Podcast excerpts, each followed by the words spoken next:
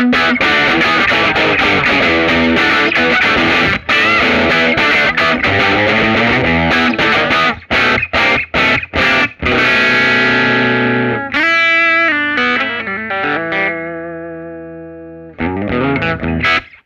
velkommen til denne kveldens nødepisode av Total Leverandør.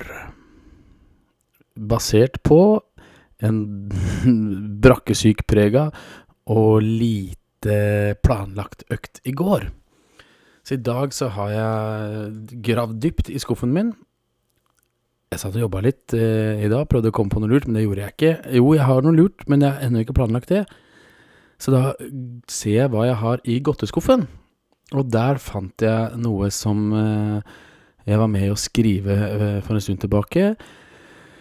Det var, innrømmer jeg gjerne, etter jeg hadde hørt mye på My Dad Wrote a Porn, som er en veldig morsom podkast.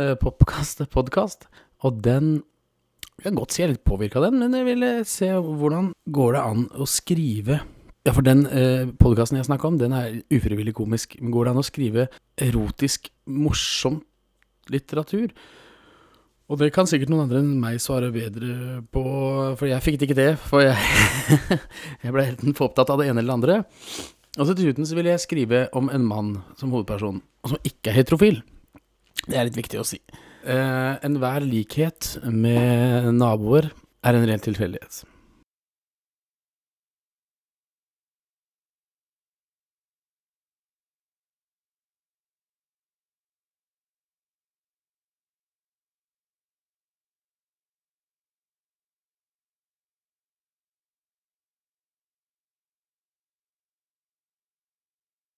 Litt bedre lyd i det. Jeg håper i hvert fall det sjøl, for jeg bruker litt ordentlig utstyr i dag. Da. Det har vært å hente mikrofon og greier, da, vet du. Ja, ja, ja.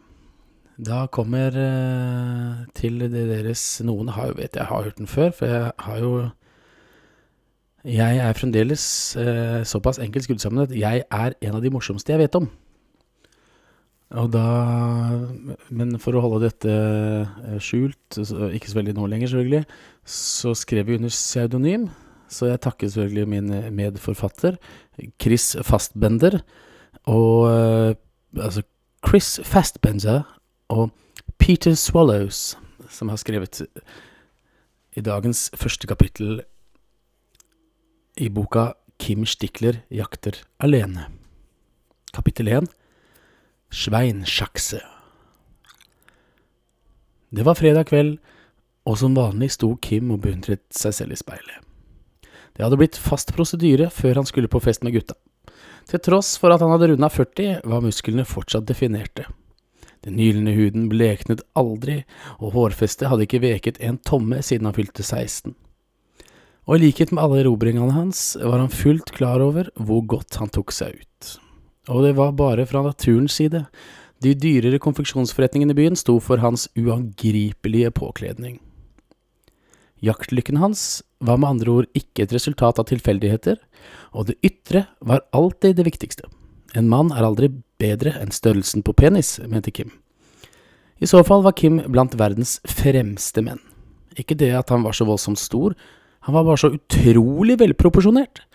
Gjennom sin tilbedelse av det ytre hedret Kim sine svenske aner, hans far og farfar var begge glade partysvensker som levde ut en postmoderne, nomadisk livsstil mellom Grünerløkka og Stureplan.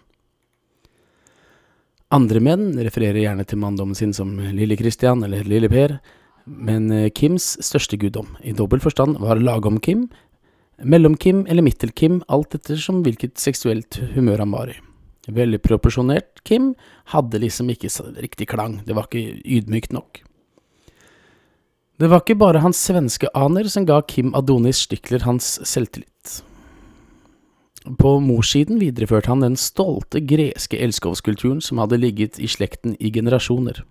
Hans mor, Nana Muscori, hadde forført det som kunne krype og gå av internasjonale celebriteter på 60- og 70-tallet, JFK og Aristoteles og Nazis, bare for å nevne noen få, før hun ble fanget av Peder Wallenbergs berømte sjarm, og ni måneder etter skjenket ham sønnen Kim Adonis Stikler-navnet kom til senere, da Nanna, etter en opprivende skilsmisse som senere kun ble overgått av Diana og prins Charles, havnet i armene til den kjente homsepornoprodusenten fra Frankfurt, Adolf Stikler.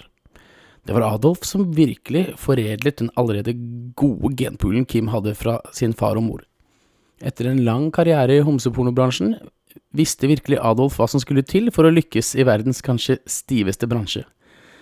Etter Nannas tragiske og tidlige død, da en vibrerende buttplug satt fast og førte til og førte til voldsomme interne blødninger, hadde Adolf carte blanche i oppdragelsen av Kim Adonis. Men nå får det være nok selvforherligelse. Riktignok syns Kim at ingen andre nådde han til anklene, men han hadde erobret seg selv så mange ganger at han ikke lenger regnet det som en utfordring. Han tillot seg den tiden det tok å spise et snes østers, før han satte seg i bilen og kjørte til Dag og Morten for å starte festen. Stavros var selve drømmemannen. Med et muskelspill som nesten kunne måle seg med Kims eget. En appetitt på livet som en irsk setter, og et smil som kunne få selv Espen Lie til å tvile på egen, egen legning. Kveldens største utfordring for Kim var å finne ut hvor Stavros befant seg. Han kunne selvsagt ringe, men da var jakten over. Han kunne forhøre seg med venner og venners venner, men Kim Stikler jakter alene. Dessuten var det ikke Kims stil å selge seg billig. Mens Dag og Morten forsynte seg grovt av utvalget på Marianne, satt Kim alene ved baren og drømte om hvordan det skulle bli når Stavros falt på kne foran ham. Med øynene igjen og munnen åpen. Det kriblet i hele kroppen bare ved tanken på hvordan Stavros ville betjene ham i natt. Denne brennhete foregripelsen av kveldens gang ble for sterk kost selv for en hardbarket player som Kim. Den kriblende følelsen konsentrerte seg snart omkring Kim i edle deler, og det tiltakende trykket i hans svulmende lem trengte utløp. Kim begynte å se seg rundt etter nærmeste toalett. De seksuelle og fysiske kreftene buksa hans ble utsatt for nå, var sterke nok til å knuse skallen til et spedbarn, men Kim hadde vært i lignende knipe før og var godt forberedt. Han sendte en stille takk til skredderen hans, som hadde sørget for at alle Kims bukser var forsterket med kevlar i skrittet. Akkurat idet Kim reiste seg opp for å gå, kom en flott brunette inn døra.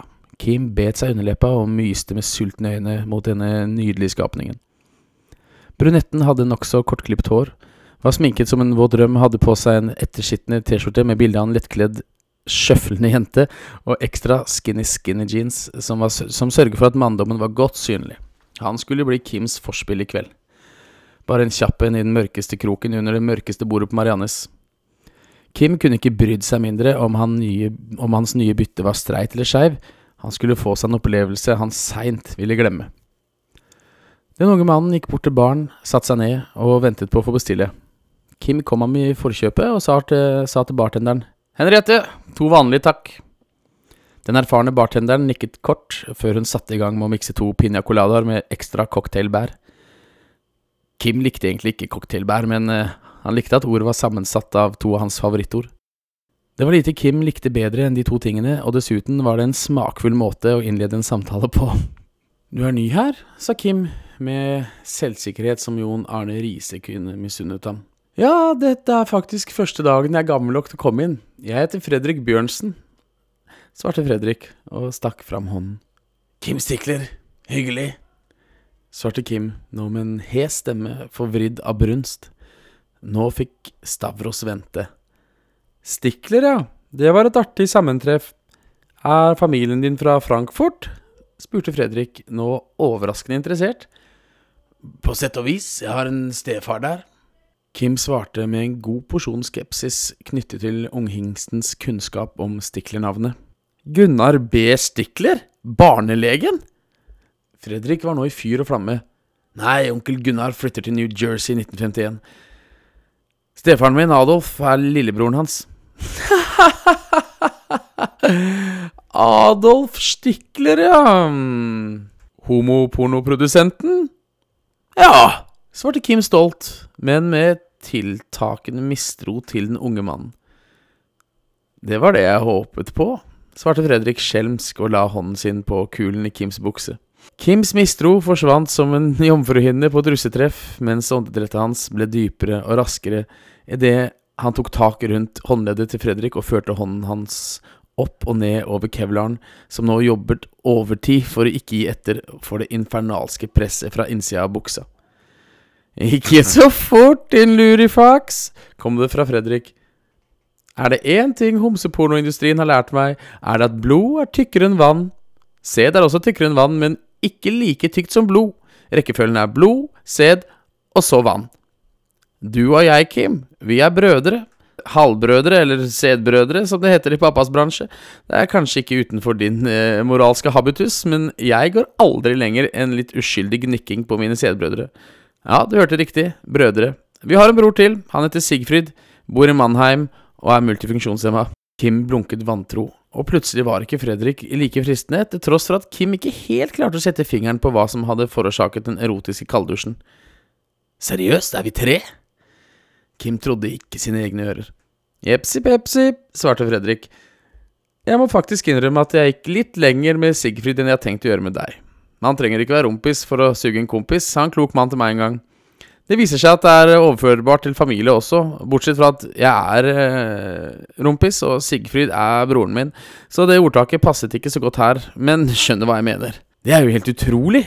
Jeg kom hit for å finne litt helgekos, og fant jeg faen meg to brødre, sa Kim, uten å kunne skjule klumpen i halsen.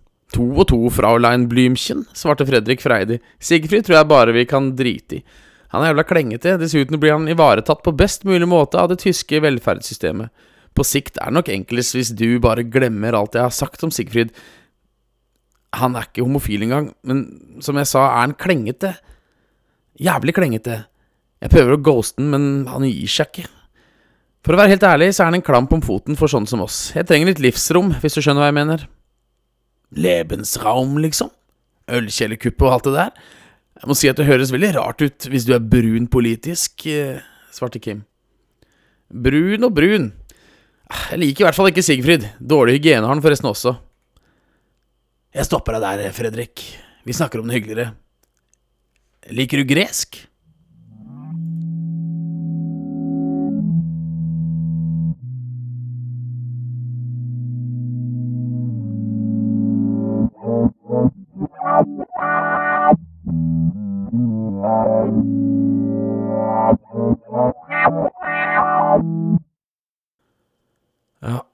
Det høres ut som det ble en novelle, bare. Jeg vet ikke om det blir Jeg har begynt på et nytt kapittel, men eh, jeg har stoppa litt opp. Fra Jeg må grave dypt Jeg må grave meg forbi all skam også. Og liksom grave i det mørkeste av uh, både fantasi og fordommer for å få til det her.